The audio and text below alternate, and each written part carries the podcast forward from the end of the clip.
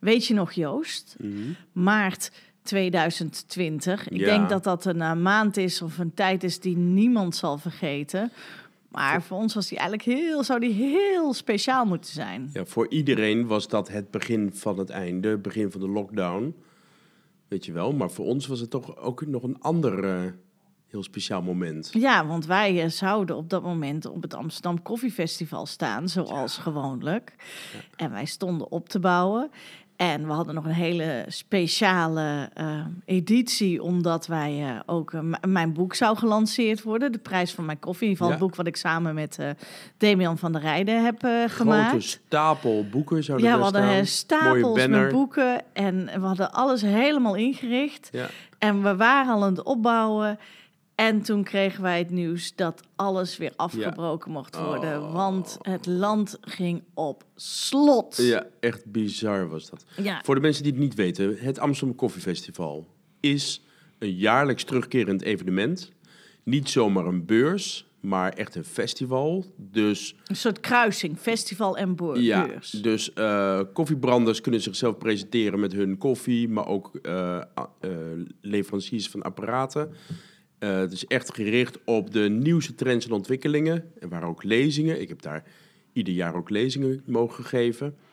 En ehm, eh, het was deels voor de professional en deels voor de particulier. Ja, het, het, bestaat overigens nog steeds. Alleen het is nu Ja, ik zeg een soort uitgezet. Je zegt alsof het verleden Alsof het tijd is. tijd maar het is, ja. eh, ook dit jaar, 2000. In ieder geval, het zou eigenlijk ook nu ongeveer hebben plaatsgevonden. En ook dit jaar is het weer geannuleerd. Maar eh, er is nog hoop, want er is er een nieuwe editie gepland, namelijk in november Ja. eh, 2021. nieuwe frisse start. En laten we hopen dat we op dezelfde plek mogen staan. ja, want dat was in een mi- prachtplek. In Echt. het midden van de gashouder Oh man, wij stonden echt op de zo mooi. En het was echt, de, de sfeer was ook al heel erg goed. Ondanks Ja. dat iedereen voelde dat er een soort dreiging boven ons hoofd hing, was de sfeer nog was wel, was wel goed. Ja, goede Dus- vibe. Ja, Ja. en dat is het altijd. En dat mis ik ook heel erg. En wij missen jullie ook heel erg. Dus laten we hopen dat het dit jaar doorgaat. En tot die tijd eh, gaan wij gewoon een mooie podcast maken. Heerlijk.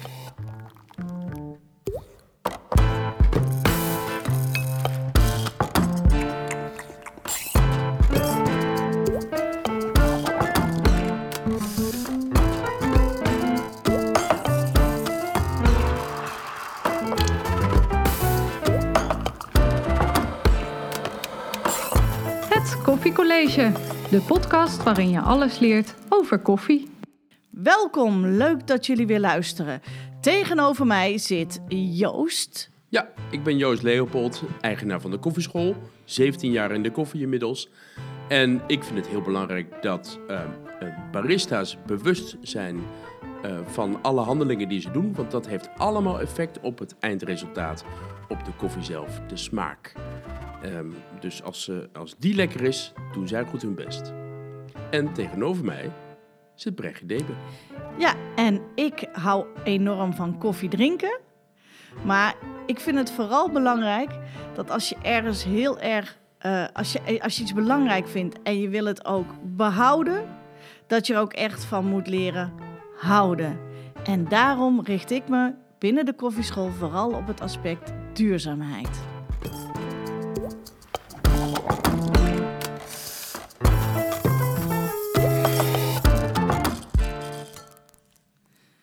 Dit is eh, een podcast, dus jullie kunnen ons niet zien. Maar als jij mij nou zou zien zitten, dan zou je zien dat ik naar een installatie zit te kijken. Ja, Waar eh, cold eh, drip koffie in gemaakt wordt. ja en het wij, lijkt wel als, als Breaking Bad. ja, het is, ziet er heel spectaculair uit. Ja. En wij gebruiken deze cold drip koffie voor onze koffieproeverijen. Maar Joost, zou jij mij iets kunnen vertellen over, eh, over deze zetmethode? Ja, zeker. Het is een eh, vrij oude zetmethode, wat nog vrij onbekend is in Nederland. Eh, het is cold drip. En cold drip is eh, Engels voor koude druppelmethode. Ehm, in, in de grote bol die bovenin zit, die ongeveer zo groot is als een grote opgeblazen ballon. Ja, even, even een, voor de omschrijving. Het is Ja. een soort toren die hier staat. Ja, een, het is een toren bestaande uit een grote bol bovenin Vervolgens een heel klein bolletje in het midden. En daarna een trechter, gemaakt van glas. En daarna vervolgens een, eh, eh, een, een, een, eh, gewoon een, een kan. Kan. als het ware, een glazen Ja. kan. En in die trechter zit gemalen koffie en Ja. een filter. Ja. En in de grote bol bovenin zit koud water. En dat koud water druppelt met één druppel per seconde. Mhm. Middels een soort eh infuus ehm, eh, wieltje. Je kan het afstellen hoe snel dat Het druppelt. is inderdaad net een infuus. Ja. Dat, dat druppelt één druppel per seconde op de gemalen koffie. En vervolgens Ja. druppelt dat weer één druppel per seconde in de pot. En zo heb je na zo'n 12 uur koffie zetten ongeveer, heb je je koffie klaar. Zo, dat is nog eens eh, slow koffie. Dat is heel slow. En de meeste mensen weten dat als je ehm, hete koffie veel te lang laat doorlopen, dat je extreme bittere smaken krijgt. Ja. Maar het grappige is dat als je suiker wil oplossen in water, dan gaat het heel snel bij heel heet water en gaat het heel langzaam bij koud water. Dit is koud water en juist door de langzame extractie krijg je dat de suikers goed ontwikkelen. Dus het eindresultaat is helemaal niet heel bitter, maar is juist lekker fris en mooi zoet. Dus je kan niet zeggen van je laat je filterkoffie koud worden en dan smaakt het hetzelfde als Nee, dat dit. smaakt- het is echt iets echt totaal anders. anders. Ja. Eh, het, het mooie is, het eindresultaat kan je drie weken goed houden. Mhm. Mits bewaard op een koele, donkere en droge plaats. Gewoon in, de, in de klimaatkast of eh, koeling of iets dergelijks. Maar wat wij doen hier, is dat we, de, ehm, eh, dat we de gezette koffie in een vriezer leggen. En zo blijft hij heel lang goed. Ja, En als je dat dan weer uit de vriezer haalt en laat ontdooien, dan heb je nog steeds lekker sprankelende mooie koffie. Hm. en dan eh, gebruiken wij deze koffie eh, eh, voor onze online proeverijen. Ja. Want het leuke van dit soort koffie is dat je hem ook gewoon kan versturen en dan... Ja, Inderdaad, en wat, het mooie is dat als je een proeverij online doet en je stuurt daar koffieboontjes op, bij wijze van spreken, Mhm. ja, zullen mensen die geen molen hebben helemaal niks met die koffiebonen kunnen. Nee, En mensen die wel een molen hebben, die hebben misschien een hele eigen manier van koffie zetten. Dus Hey, oh, ah, je nou- hoort hem. Oh, ik, ik ben benieuwd of jullie dit ook hoorden. Maar hij begon in één keer... Zowel, want er staan hier namelijk twee van dit soort installaties. Zowel We de linker als de aan rechtermond het eh, gingen... borrelen. Die gingen echt, echt exact tegelijkertijd hoor je... Af en toe dan zuigt hij vacuüm en dan komt hij weer, eh, geeft hij weer wat lucht. Ja, dit was echt precies tegelijkertijd. Ja, ja mooi. Maar eh, goed, op deze manier is het dus mogelijk om iedereen die deelneemt aan de koffieproeverij exact hetzelfde te laten proeven. En Dat dat, is heel bijzonder. dat is interessant. Ja. Eh, nou, zei je net inderdaad, had je het even over eh, dat je dit ook vrij lang eh, vers kan houden. Of Ja. de smaken oké kan houden als je het op de goede manier bewaart. Ehm, zou jij iets kunnen vertellen over hoe het nou precies zit met de versheid van Jazeker. koffie? Wanneer is koffie vers? Hoe Ja, herken je het? belangrijk, Et item. cetera.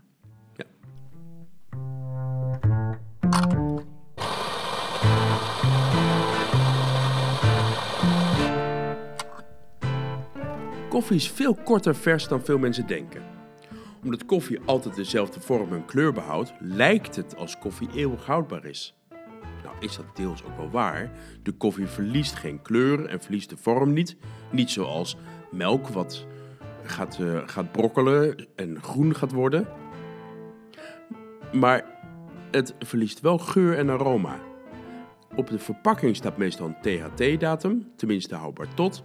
Dat verplicht, want het is consumptieartikel. Maar nou staat het de koffiebranders vrij deze datum naar eigen inzicht te interpreteren. Volgens de ene koffiebrander is koffie drie jaar houdbaar, volgens de andere koffiebrander is de koffie slechts zes weken houdbaar. Het is voor de koffiebrander veel makkelijker om een datum ver in de toekomst te kiezen, zodat er flink op voorraad gebrand kan worden en er veel in schappen en in dozen kan klaar liggen om verkocht te worden. De meeste koffiebranders houden een THT-datum aan van 1 jaar. Hoe het komt dat koffie oud kan worden, heeft te maken met de structuur van de boon. De boon is eigenlijk een pit en zoals je weet is een pit een samengeperst stukje hout. Net als een plank bijvoorbeeld, een houten plank, heeft, waar je nerven ziet, heeft de pit ook nerven en we noemen dat poriën. Door de pit te verhitten zetten de poriën uit en openen de poriën zich. In de poriën zitten de natuurlijke suikers en de aroma's. Hoe warmer het wordt, hoe meer de pit gaat ontgassen. Vergelijkbaar met een mens die meer en harder gaat puffen om warmte in het lichaam kwijt te kunnen wanneer hij aan het sport is bijvoorbeeld. Hoe meer de boon ontgast, hoe meer oliën naar de buitenkant van de boon gaan. In de gassen en oliën zitten de aroma's. Denk aan noten, fruit, chocolade, waardoor we de koffie juist zo lekker vinden. Zo kan je je voorstellen dat deze aroma's bij voortdurende verhitting compleet verloren gaan. Dat is ook het geval bij zeer donker tot zwart gebrande koffiebonen, die we vaak tegenkomen in de Italiaanse koffie of grote koffieketens. Deze koffie is eigenlijk alleen nog lekker wanneer er veel smaakjes aan toegevoegd worden. Het is om die reden dat de koffie meestal niet zeer donker gebrand wordt om nog voldoende aroma's van zichzelf te kunnen behouden. Mijn advies is het om de volgende bewaartips voor je koffie in acht te nemen om zo lang mogelijk te kunnen genieten van echt lekkere verse koffie in optimale smaken. Komt-ie. Als je je koffie hebt gekocht, let dan op de branddatum. De koffie is drie maanden na de branddatum houdbaar in een gesloten zak. Als de branddatum niet vermeld is, probeer dit dan te gokken aan de hand van de THT-datum. Zoals ik had gezegd, de meeste koffiebedrijven houden één jaar na branddatum aan. De THT, stel je voor, is de THT oktober 2021, dan kan je ervan uitgaan dat de branding oktober 2020 heeft plaatsgevonden. De koffie lijkt nog goed, maar omdat het nu maart is, kan je ervan uitgaan dat de koffie al vijf maanden in de zak zit en daarmee stokoud geworden is. De koffie is nog wel drinkbaar, maar heeft zijn mooie sprankeling verloren. Als je de zak eenmaal hebt geopend, sluit deze dan direct met een clip of elastiek en bewaar deze op een koele, donkere en droge plaats. De koffie is dan nog ongeveer drie weken houdbaar. De koffie in de stop of de bonencontainer van de koffiemolen zijn drie dagen houdbaar. En gemalen koffie is in het geval van filterkoffie 3 minuten en espresso 30 seconden houdbaar. In mijn optiek zou er dus geen THT-datum op de verpakking moeten staan, niet tenminste houdbaar tot, maar een TLT-datum, tenminste lekker tot.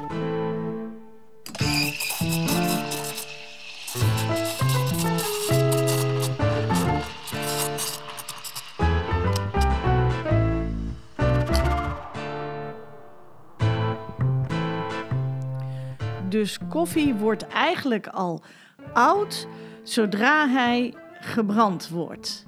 Ja, ja. Ja, koffie is meteen al, uh, de, de degradatie van koffie is meteen al ingetreden. Ja.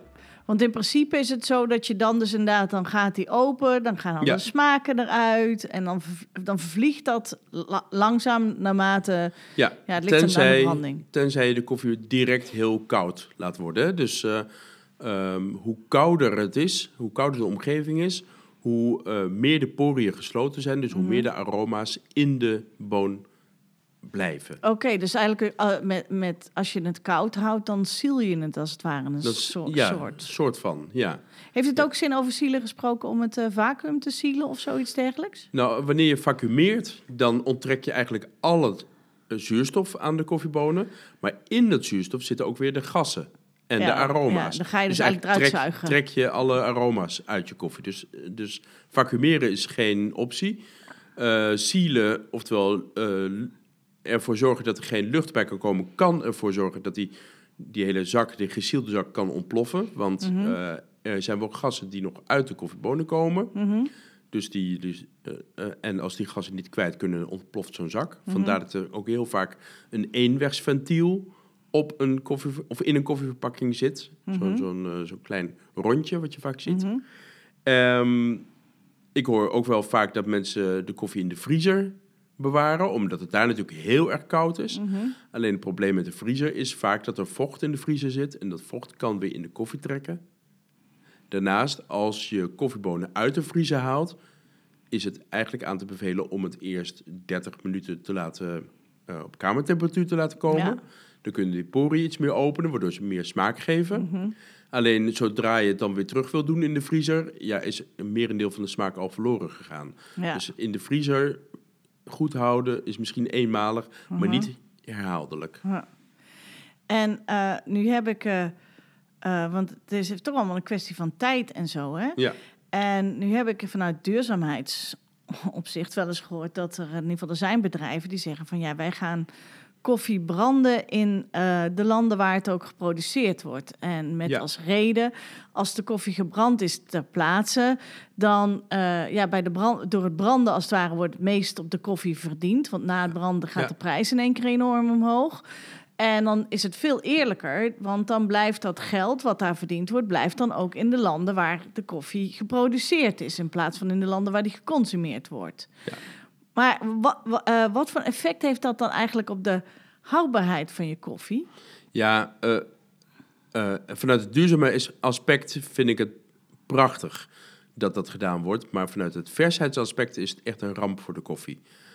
Want op het moment dat je koffie brandt in het land van herkomst, laten we zeggen dat daar de luchtvochtigheid heel hoog is en, eh, en het klima en, en Ja, de temperatuur ook heel, eh, Ja. heel warm is. Mhm.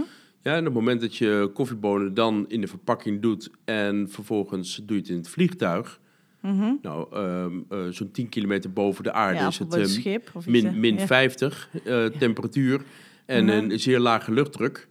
Eh, dus op die manier pers je eigenlijk alle gassen eruit. je, Mhm. wanneer je ooit wel eens koffie mee hebt genomen in een vliegtuig en, je, en je maakt je koffer open, dan zie je ook dat zo'n zakje helemaal gevacumeerd is. Nou, dat heeft daarmee te maken. Eh, andersom eh, kan je het natuurlijk verschepen. Mhm. Dus echt eh, per schip vanuit het land van herkomst naar Nederland laten komen, bijvoorbeeld.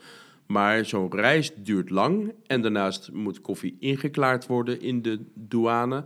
En er gaat zoveel tijd overheen dat daarmee eigenlijk de koffie al stokoud is voordat je er überhaupt koffie van wil gaan zetten. Dus eigenlijk heeft dat alleen maar zin als de koffie die je koopt daar ter plekke al zo ongelooflijk donker gebrand is dat hij al eigenlijk oud is voordat hij, voordat hij het land verlaat. Ja, ja of, of als je hem gebruikt, als je hem gebruikt heel als- donker gebrande koffie is nog korter houdbaar dan licht Ja, dat koffie. weet ik, maar Dus- dan is hij toch al niet zo heel erg lekker meer. Dus Nee, dat precies. Maar ja, dat gaat niet over smaak. Nee. Nee, nee, maar even om, eh, om het even zo te zeggen: van waarom zou je het wel doen? Dan, daar- behalve dan duurzaamheidsaspect, kan je dat dan wel doen met koffie die geblend is of iets dergelijks? Dat je zegt van nou, dan doen we dat met de Robusta, die heeft dan minder last van. Of... Robusta heeft daar, dat klopt, die heeft daar minder last van. Maar Robusta wordt veel minder verbouwd dan Arabica koffie. Ehm, ja, je zou het voor industriële koffies eh, kunnen doen. Ja. Ja. Maar eigenlijk zou je zeggen van nou, koop maar gewoon de koffie die hier gebrand is, Ja. die hier vers gebrand is. Ja. Eh, en betaal daar dan een eerlijke prijs voor, die dan gewoon Ja, teruggegeven wordt eigenlijk aan de eh, voor, voor de Nederlandse luisteraars is het belangrijk dat de koffie gewoon in Nederland gebrand is. En als je hem, en als je hem brandt, dan is het ook niet zo dat je meteen na branding kan drinken, toch? Nee, direct na branding is, zijn... ehm, eh, eigenlijk moet je het zo zien. De allereerste smaak die uit koffie komt binnen drie dagen na branding is zuurbitter. Mhm. De smaak die ehm, van drie dagen af te proeven is tot aan, laten we zeggen, drie weken, Mhm. is zuur en zoet. Ja. Na drie weken begint het zoet-bitter te worden. Mhm. En uiteindelijk wordt het heel assig en verdroogd en, eh, en saai, bitter, bittere Ja. smaken. Dus eigenlijk eh, eh, te jonge koffie Mhm. smaakt net als te jong fruit. Ja. Onrijp fruit. Oh, is ook niet zo lekker. Nee. Ja, dus de lekkerste smaak is eigenlijk vanaf drie tot negen dagen na branddatum. Ja. En dan tot, eh, ja, net, net wat je zelf lekker vindt, maar over het Mhm. algemeen tot zo'n zo'n zes tot negen weken na branddatum. Ja. Dat is inderdaad, eh, dat is wel een goed advies. En dat, maar dan is het dus heel belangrijk om eigenlijk je koffie eh, zo vers mogelijk bij, of direct bij een brander te kopen, of Ja. bij een s- koffie-speciaalzaak te kopen. Want de supermarktkoffies, die hebben natuurlijk net zoals die koffie uit het buitenland, eh, veel last van. Ja, wat je zegt, dat wordt eerst opgeslagen, Ja. dan wordt gebrand, het Ja. wordt in de opslag gelegd, dat wordt dan vervolgens verkocht. En Ja, die moeten echt een lange THT-datum hebben dus- staan. Ja, precies. Geen idee hoe, hoe lang die, hoe oud die koffie dan eigenlijk daadwerkelijk al Ja, is. Of in ieder geval... Echt de typische Italiaanse koffies. Mhm. Ja, de, de Segafredo, Illy komen, eh, ja, enzovoort. precies, maar die komen ook uit Italië. Ja, die komen uit Italië, precies. En je weet, als het de feestdag is in Italië, ligt alles stil. Dus al die tijd ligt de koffie stil in de loods te wachten om verscheept te worden. Of eh, eh, met, de, met de vrachtwagen deze kant op te komen. Meestal is het zo dat er lange tijd overheen gaat, waardoor koffie heel oud kan worden. Ja. Italiaanse koffie is overigens, wat- dat zei jij volgens mij ook, heel donker gebrand. Mhm. In Italië houden ze volgens mij ook echt heel Ja, erg van die hele er donkere op, ja. branding. Ja. En in Italië is het, is, het, eh, ja, is het natuurlijk heel gewoon om iedere dag een espresso te drinken. Ja, die espresso's zijn eh, eh, bij wet vastgelegd dat, dat de espresso Dat nooit iedereen meer espresso dan... drinkt. Nee. Iedereen moet, iedereen moet espresso kunnen. Iedereen moet toegang te, kunnen hebben tot espresso. Aha. Bizar, hè? En het is bij wet vastgelegd dat een espresso niet meer dan 1 euro mag kosten. Maar wel a banco, hè? dus eh, aan de bar staan. Want zodra je gaat zitten, dan betaal je voor je zitplek en dat, dan betaal je vele malen meer. Het, trouwens, het oudste koffiecafé op, eh, in Café Florian eh, in Venetië, daar betaal je 25 euro per espresso. Maar goed, dat is eh, in een zitplaats. A banco is het, is het 1 euro, mag niet meer kosten dan dat. Dus het moet toegankelijk zijn voor iedereen. Dat is toch wel eigenlijk heel grappig, hè? Dat, je, dat, die, eh, dat daar dus eigenlijk een, vaste prijs voor Ja. is eh, bepaald. Dus dat je niet meer dan een euro mag Ja. betalen voor de koffie. Terwijl eh, de koffieboer iedere dag nog maar eh, ja, moet afwachten welke prijs hij voor zijn boontjes krijgt. Huh? Hoe zit dat dan?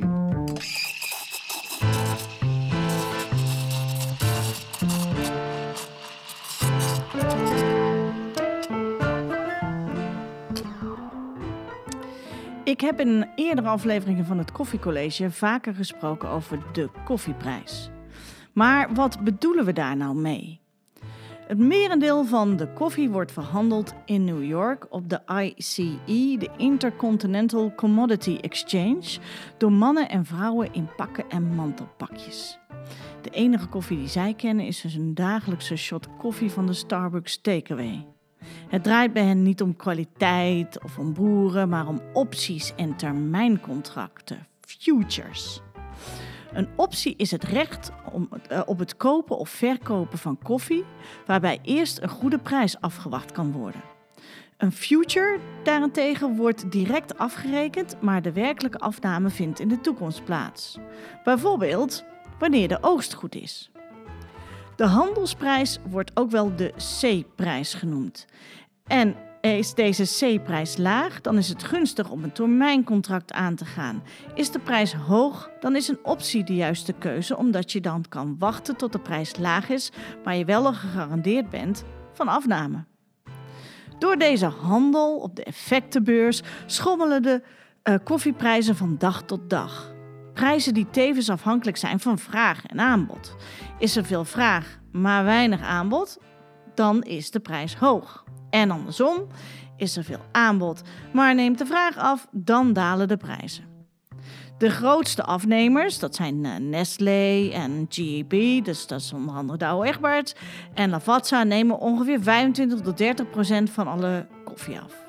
Zij concurreren met elkaar en hebben daarmee een grote invloed op de vraag en aanbod en daarmee de fluctuerende prijzen. Ze willen liefst natuurlijk de goedkoopste prijzen. En de koffieprijs is dan ook al jaren zo laag dat de boeren hiermee hun productiekosten niet kunnen dekken. Kunnen we hier dan niets aan doen? Ja en nee. In 1963, toen de koffieprijzen ook al heel erg laag waren, bedachten ze bij de United Nations dat er eens afspraken gemaakt moesten worden eh, met de consumerende en de producerende koffielanden. Dit resulteerde in, eh, zoals ze dat noemen, de International Coffee Agreement. Er werd afgesproken dat de prijs de productiekosten moest dekken en dat de vraag en aanbod daarom in evenwicht moesten worden gehouden. Er werden quota vastgesteld voor de koffiehoeveelheden die landen mochten produceren en een minimumprijs afgesproken voor eh, datgene wat ervoor gevraagd mocht worden. Dus als de vraag naar koffie daalde, dan moest ook de productie of in ieder geval het internationale koffieaanbod minder worden. Was de vraag hoger, dan mocht er meer geproduceerd worden. Maar Dat moest ook gecontroleerd worden en die controle was moeilijk te handhaven. Steeds meer landen zagen het niet zitten om hun te veel geproduceerde koffie te vernietigen. En daarom verkochten ze deze koffie dan via de, ja, de illegale achterdeur. En dit zorgde dan weer voor oneerlijke concurrentie. En daardoor waren die afspraken die zo mooi leken niet vol te houden. En kwam er in de jaren 80 en 1987 eind aan International Coffee Agreement. Op zich was het een mooi plan, zoiets als een vaste en eerlijk minimum koffieprijs voor alle boeren.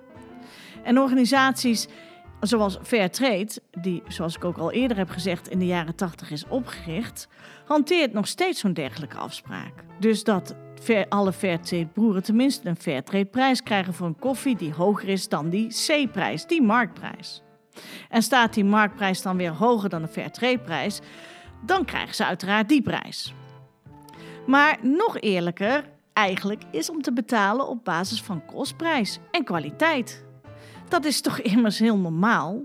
Ik ken hier in het Westen geen enkel bedrijf dat zichzelf draaiende kan en wil houden door diensten of producten te verkopen die zo goedkoop zijn dat ze hun kosten niet eens kunnen dekken. Dus waarom zou een boer dat wel moeten doen? Moeten we niet gewoon betalen wat het kost? En wat we het vervolgens waard vinden? En daarbij met de mooie bekomstigheid dat daarmee de koffie en de kwaliteit ook zal verbeteren.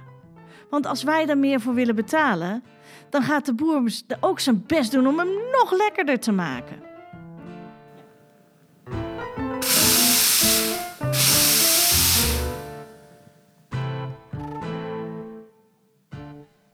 Ja, dat klinkt mooi en idealistisch.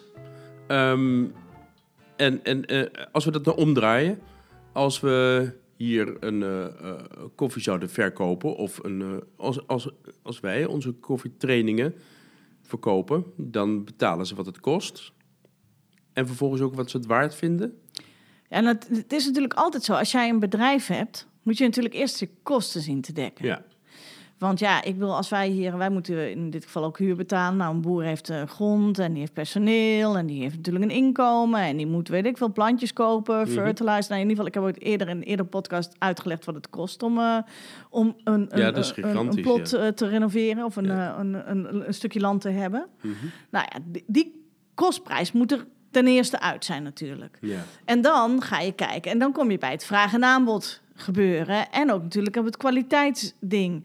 Als uh, bijvoorbeeld kwaliteits, hoogwaardige kwaliteitskoffie is over het algemeen ook schaarser. Ja. En heel lekker van kwaliteit. En het is net dat, hè, dat knuffellandje waar we net dat knuffelstukje van het Mm. land waar we het ook waar, we, dat, het- waar de beste plantjes staan, eh, waar de meeste aandacht aan is besteed. Dat is de allerlekkerste koffie. Dus die is heel schaars. Die is heel hoog voor kwaliteit en daarvoor willen wij natuurlijk het allerbeste betalen. Want ja, wij, wie wil nou niet die allerbeste koffie hebben? Ja. En helemaal als wij er hier ook nog koffiewedstrijden mee gaan doen. Ja. Dus, dus, dus dan, dan krijg je vanzelf van wat vinden we het waard? Wat vinden wij? Wat wil je ervoor betalen? En dan, dan krijg je natuurlijk dat principe van vraag en aanbod. Weet Ja. je, als er veel vraag er is, maar er is weinig aanbod, ja, dan gaat die prijs natuurlijk omhoog. Dus en, en kwaliteit heeft daar wel en speelt daar een grote rol in. Ja, en, en, en eh, als ik mooie kwaliteitskoffie heb, ehm, hoe weet ik dat mijn boer nou goed verdient daarmee? Ja, die, die vraag heb ik ook wel eh, eens eerder beantwoord. Maar dat- dat, is natuurlijk heel lastig om aan je kopje koffie te zien. Ja. En de enige manier om erachter te komen is om daar onderzoek naar te doen. Oftewel om het te vragen. stellen. Dus eh, Ja. eh, stel dat jij in een koffiezaak zit, vraag het aan je barista. En als de barista het niet weet, die vraagt het aan zijn manager. En als de manager het niet weet, die kan het vragen aan zijn brander. en, koffieleverancier, eh, precies. En als je zover niet wil gaan, kan je natuurlijk ook op internet kijken. Want sommige koffiebranders zijn ook, eh, en dat is gelukkig ook steeds meer, steeds transparanter over eh, welke prijs er wordt betaald, voor welke prijs zij hebben betaald voor hun koffie. Ja. En wat vervolgens de prijs is geweest die de boer heeft gekregen. Ehm, eh, dus, maar ja, goed, dat- je, je weet het nooit. Ja, als er fair trade op staat, weet je dat ze in ieder geval de minimum fair trade Ja. prijs gehad heeft. Maar goed, die minimum fair trade prijs. ja. vind ik het ergens heel oneerlijk. Wij betalen zoveel geld voor onze koffie. En we, zijn, eh, we kunnen best misschien nog wel meer betalen voor onze koffie. Maar de koffieboeren die zijn heel afhankelijk van hoe de markt is. Nee, maar dat is ook het scheve. Het is een systeem wat ehm, eh, ontstaan is uit de kolonisatie, waarbij zij eigenlijk ja, letterlijk als slaven de koffie Ja. produceerden. Daarna was, moest eh, de koffie natuurlijk wel goedkoop, want dat waren wij gewend, goedkoop worden doorverhandeld. Mhm. En vervolgens zijn al die landen eh, eh, ook steeds meer gaan produceren, omdat de vraag eh, naar koffie steeds groter werd. Alleen dat handelssysteem Ja. is niet eerlijk geweest, omdat ze, uiteindelijk zijn ze gewoon afhankelijk van, van de vraag en afhankelijk van degene die het consumeert. En zij zijn degene die bepaalt wat. wa- Ja, wij zijn eigenlijk degene die bepalen wat we ervoor willen betalen. En dat is niet eerlijk. Je zou moeten zeggen van ja, weet je, eh, ik een eerlijke bedrijf, jij ook een eerlijk bedrijf. Ja. En, en dat is ook een beetje wat je ziet bij, bij, bij zaken als direct trade, waarbij een, een inkoper of een brander direct bij de boer koopt. Dan krijg je al dat die handelsrelatie veel meer echt een normale businessrelatie is. Weet je? Ja. dus dat je niet op basis van, van, van uitbating en afhankelijkheid en, en geen keuzes, maar op basis van hebben we een deal or no deal. Ja. Weet je wel? Dus dat is. En dan, en ja, dan, dan, natuurlijk wordt daar ook gekeken, en dat, dat wordt altijd een beetje onderschat, maar Mm. daar wordt ook gekeken naar die C-prijs. Want bij direct trade wordt er gezegd: jij krijgt drie keer de C-prijs. Of Ja. jij krijgt van mij vier keer de C-prijs. Ja, dan is de C-prijs toch een soort van leidinggevende Ja, startpunt. precies. Maar er wordt wel, eh, wel, gekeken van is dit, is dit een eerlijke prijs Ja. en is dit het waard? En dan wordt er ook gekeken naar de kwaliteit. En inderdaad naar, naar gewoon letterlijk een eerlijke handelsrelatie. Ja. Als, als ik nou enthousiast ben over mijn koffie en niet de barista voor je wil geven, maar de koffieproducent voor je wil geven, zou dat zin hebben? Het, eh, ehm, het kan. eh, er zijn nu projecten. En ik moet eerlijk zeggen dat ik even niet eh, uit mijn hoofd weet wie. Maar eh, er zijn projecten zoals. eh, dat heet dan Tip the Farmer bijvoorbeeld.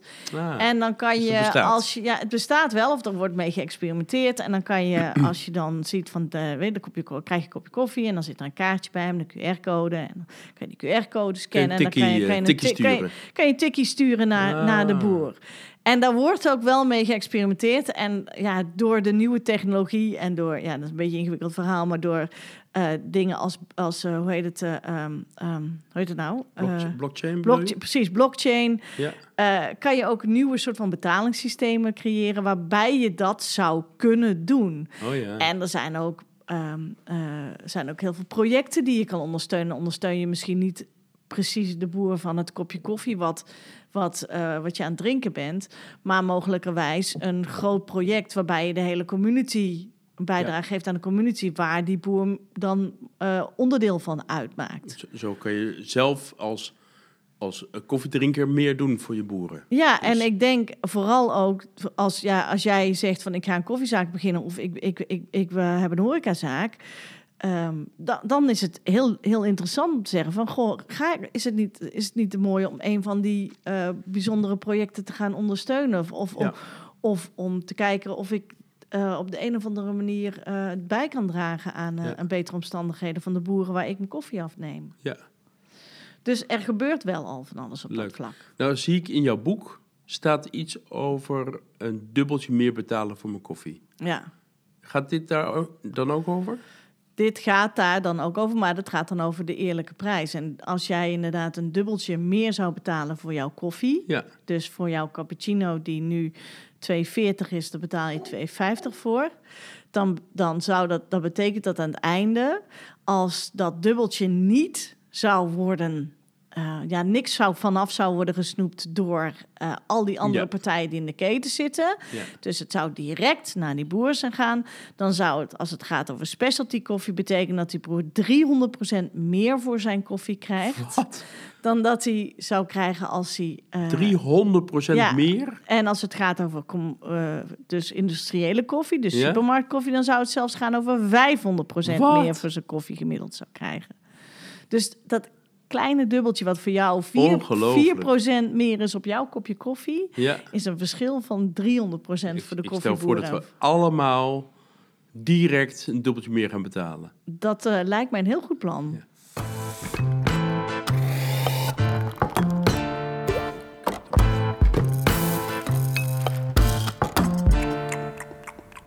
En we zijn nu toegekomen aan de vragen. Ja, it is your time. Yes, questions and answers. Ik heb een vraag binnengekregen van iemand eh, die zegt: Hoi, koffieschool. Ik heb een vraag. Ik heb al jaren een eigen moestuin en gebruik mijn GFT-afval als compost. Maar nu begrijp ik dat je ook koffiedrap kan gebruiken. Hoe zit dat? Goed, en ik hoor graag jullie antwoord. Volgens mij is dat er eentje voor jou, Brecht. hey, dat is leuk. Dat is een vraag van mij. Ehm, wij eh, hier op de koffieschool gebruiken, hergebruiken ook onze koffiedrap. En daar kan je best wel veel mee doen. Ehm, eh, en wij laten onze koffiedrap eh, ook recyclen als het ware door moestuinen. Maar nou is het wel zo, want het koffieprut of koffiedrap is namelijk heel erg goed. Bevat heel veel stikstof en kalium en zo. Dus dat is eigenlijk heel erg goed voor je composthoop.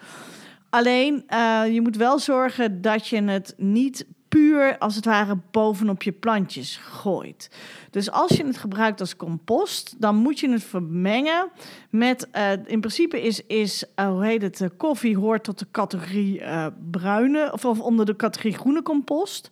En eh, die moet je dan eigenlijk even neutraliseren... of een be- beetje vermengen met wat ze noemen de bruine compost. En de bruine compost, dat zijn de bladeren en zaagsel en stro... en allemaal, weet je, allemaal datgene wat van, van plantenresten afkomt.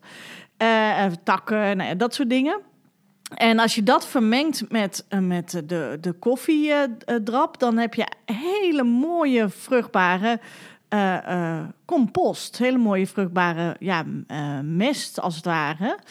Ehm, naast dat het handig is om je plantjes goed te laten groeien. En wij krijgen ook altijd hele tevreden berichten daarover. Wij krijgen ook af en toe wat groente terug. Dus dan krijg ik in één keer een heerlijke courgette die dan weer gegroeid heeft op de compost van onze koffie.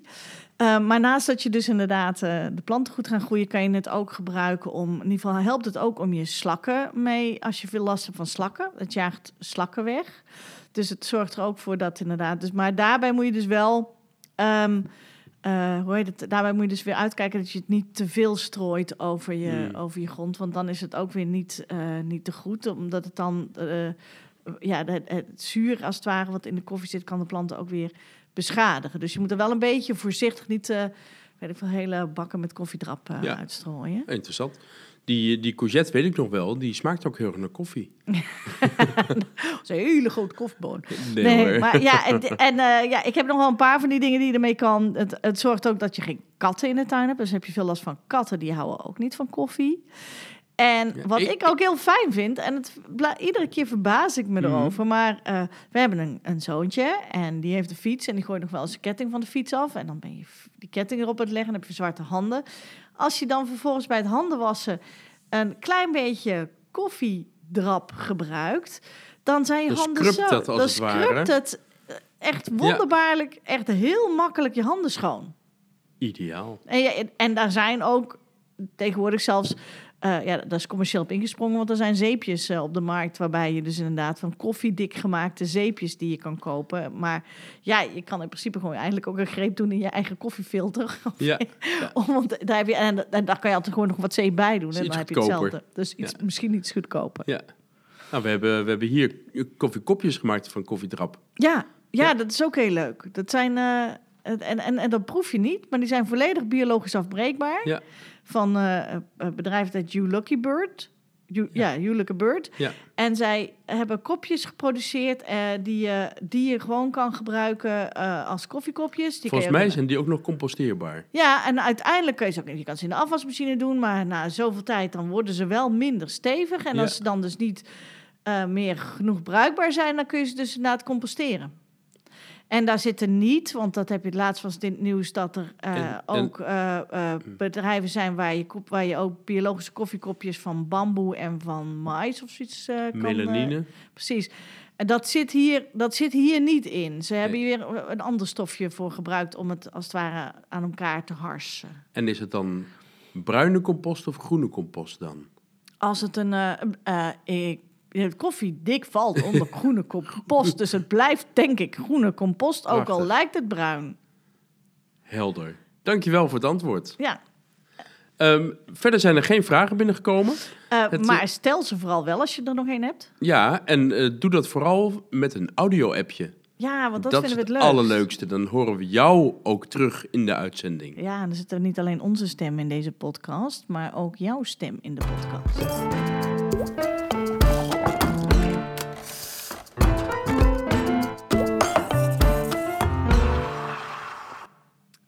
Dan zijn we weer aan het einde gekomen van eh, deze aflevering van het eh Koffiecollege. Eh, maar ik wil eigenlijk voordat we helemaal naar het einde gaan, even terug naar het begin. Namelijk, ik kijk hier naar die mooie installatie waar ik het in het begin al waar, we- waar je het over hebt gehad. Die cold drip installatie. Ja. En ik zie dat deze inderdaad nog steeds langzaam aan het druppelen is. Ja, we hebben... ehm, de, de pot heeft een maatstreepje. Maatstreepje is ongeveer op een kwart van de pot nu. nou, moet je Kun je nagaan? Dus we moeten Hoe langzaam er, er is nog even wat eh, tijd. Maar ik bedacht me, misschien dat je na het horen van het verhaal wel dacht van... hé, hey, dat lijkt me nou ook wel eens leuk om te proeven. Want ik vind, ja, dit is wel heel bijzonder. Je kan het niet... Ja. We kunnen uitleggen hoe het smaakt, maar eigenlijk vinden we gewoon dat je het eens een keertje moet proberen. Dus wil jij nou eh, samen met jouw eh, vrienden of met collega's of zo eens een keer een hele leuke ja, proeverij doen. En zit je nog steeds in, in, de, in de situatie van de lockdown dat we dat niet eh, kunnen doen eh, eh, bij ons of bij, bij jullie, whatever. Dan kan je een online proeverij organiseren. En dan kunnen we, als je gewoon onze mailtje stuurt, dan, dan regelen we dat voor je. En dat mailtje kun je sturen naar het, Het koffie- Koffiecollege at En daar kun je ook al jouw vragen en opmerkingen dus kwijt. Ja. En eh, ja, eh, ik hoop dat we jou eh, dit er een keertje kunnen laten proeven. Want ja, nogmaals. Ja, het is echt heel bijzonder. Als je de, de smaak wil vergelijken, lijkt een beetje op Pedro Jiménez. Port. Hele mooie, diepe smaken.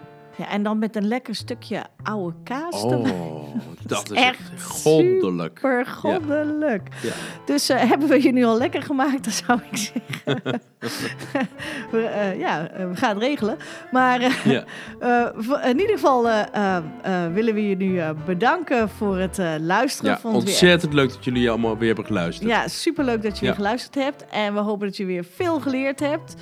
En eh, ja, zoals altijd eh, zegt het voort. eh vond je het echt weer een super top uitzending of aflevering... dan laat, geef wat sterretjes in. Vertel het door het aan door. iedereen die je kent. schrijf een review. Vooral ook naar de mensen die helemaal geen verstand hebben van koffie in je omgeving. Waarbij je zoiets hebt van, nou, zij moeten echt wel iets meer leren over koffie. Vertel Of helemaal niet door. van koffie houden. Oh ja, dat ook. Dat ja, zijn ook mensen leuk. die niet van koffie houden. En dan die- enthousiasmeren. Dan kijken of ze toch uiteindelijk precies. koffie gaan drinken. Precies. Dus eh, nou ja, deze podcast is gewoon voor iedereen die iets of niets heeft met Ja. koffie. Ja.